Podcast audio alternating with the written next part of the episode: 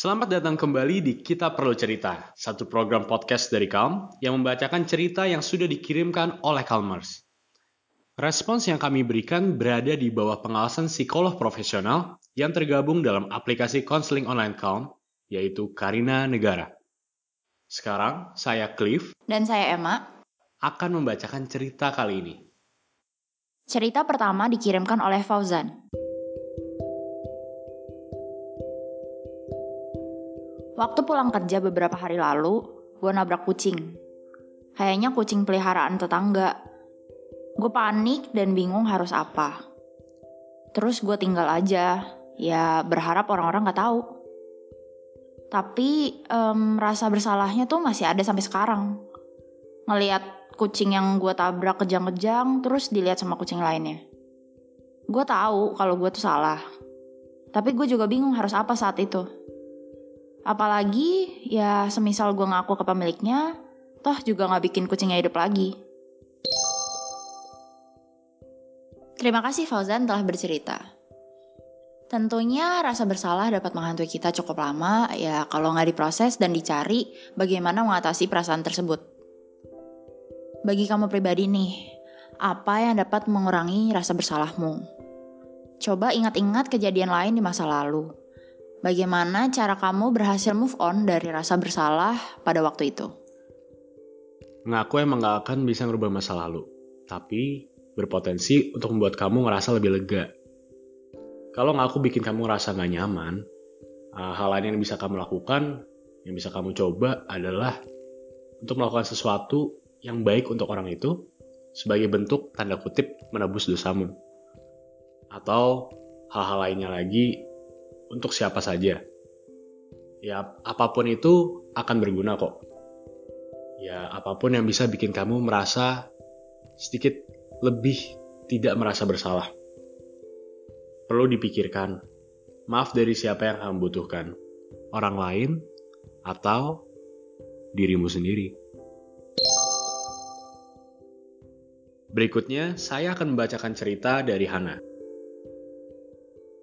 I've been feeling so lonely and sad lately. Maybe for the past few weeks or months. I'm not really sure anymore. Well, not sad particularly. It just feels like nothing really makes me genuinely happy anymore. It's either bad days or okay days. There's no in between. I can't even remember the last time I woke up in the morning and not feeling so damn tired of my life. Of living. I don't know. It just feels like I'm trying so hard to just go through day by day. And I'm so close to just giving up. This might sound so selfish, but I really don't think it would make a difference anyway.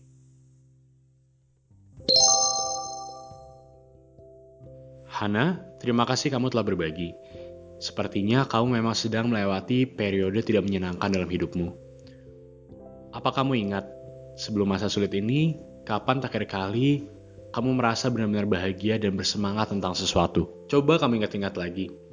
Apakah ada sesuatu yang signifikan yang telah terjadi beberapa minggu atau bulan yang lalu sebelum kamu merasakan hal ini? Terkadang, perubahan memang dapat memicu depresi. Kami tahu, mungkin sekarang kamu masih sulit untuk menyadarinya. Tapi kehadiran kamu tuh sangat berarti loh. Em, yuk coba kita cari alasan untuk tetap hidup tiap hari dan lakukan itu hari demi hari.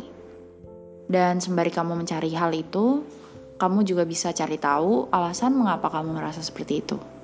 Dengan coba berbicara kepada psikolog profesional dan mencari bantuan lainnya. Cerita berikutnya merupakan cerita yang dibagikan oleh EM. Aku takut ketika aku mencintai terlalu dalam.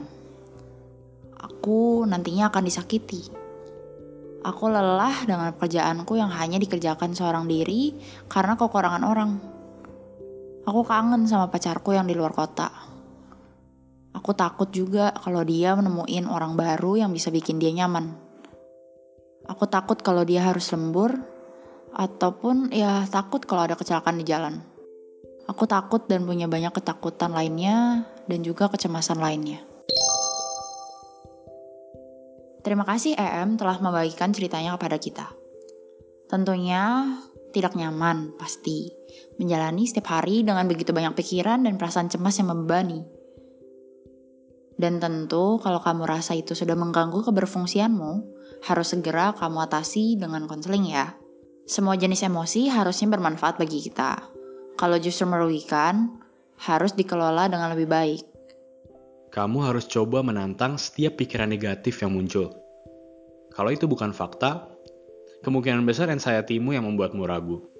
Tapi, jika ada alasan konkret tentang dia yang membuatmu tidak tenang, maka mungkin ini waktunya untuk kamu mengevaluasi kembali hubunganmu dengannya. Terima kasih Calmers telah bercerita. Semoga dengan bercerita dapat meringankan beban perasaan Calmers. Dan juga dapat memberikan insight bagi orang lain yang mendengar. Sampai jumpa. Dadah.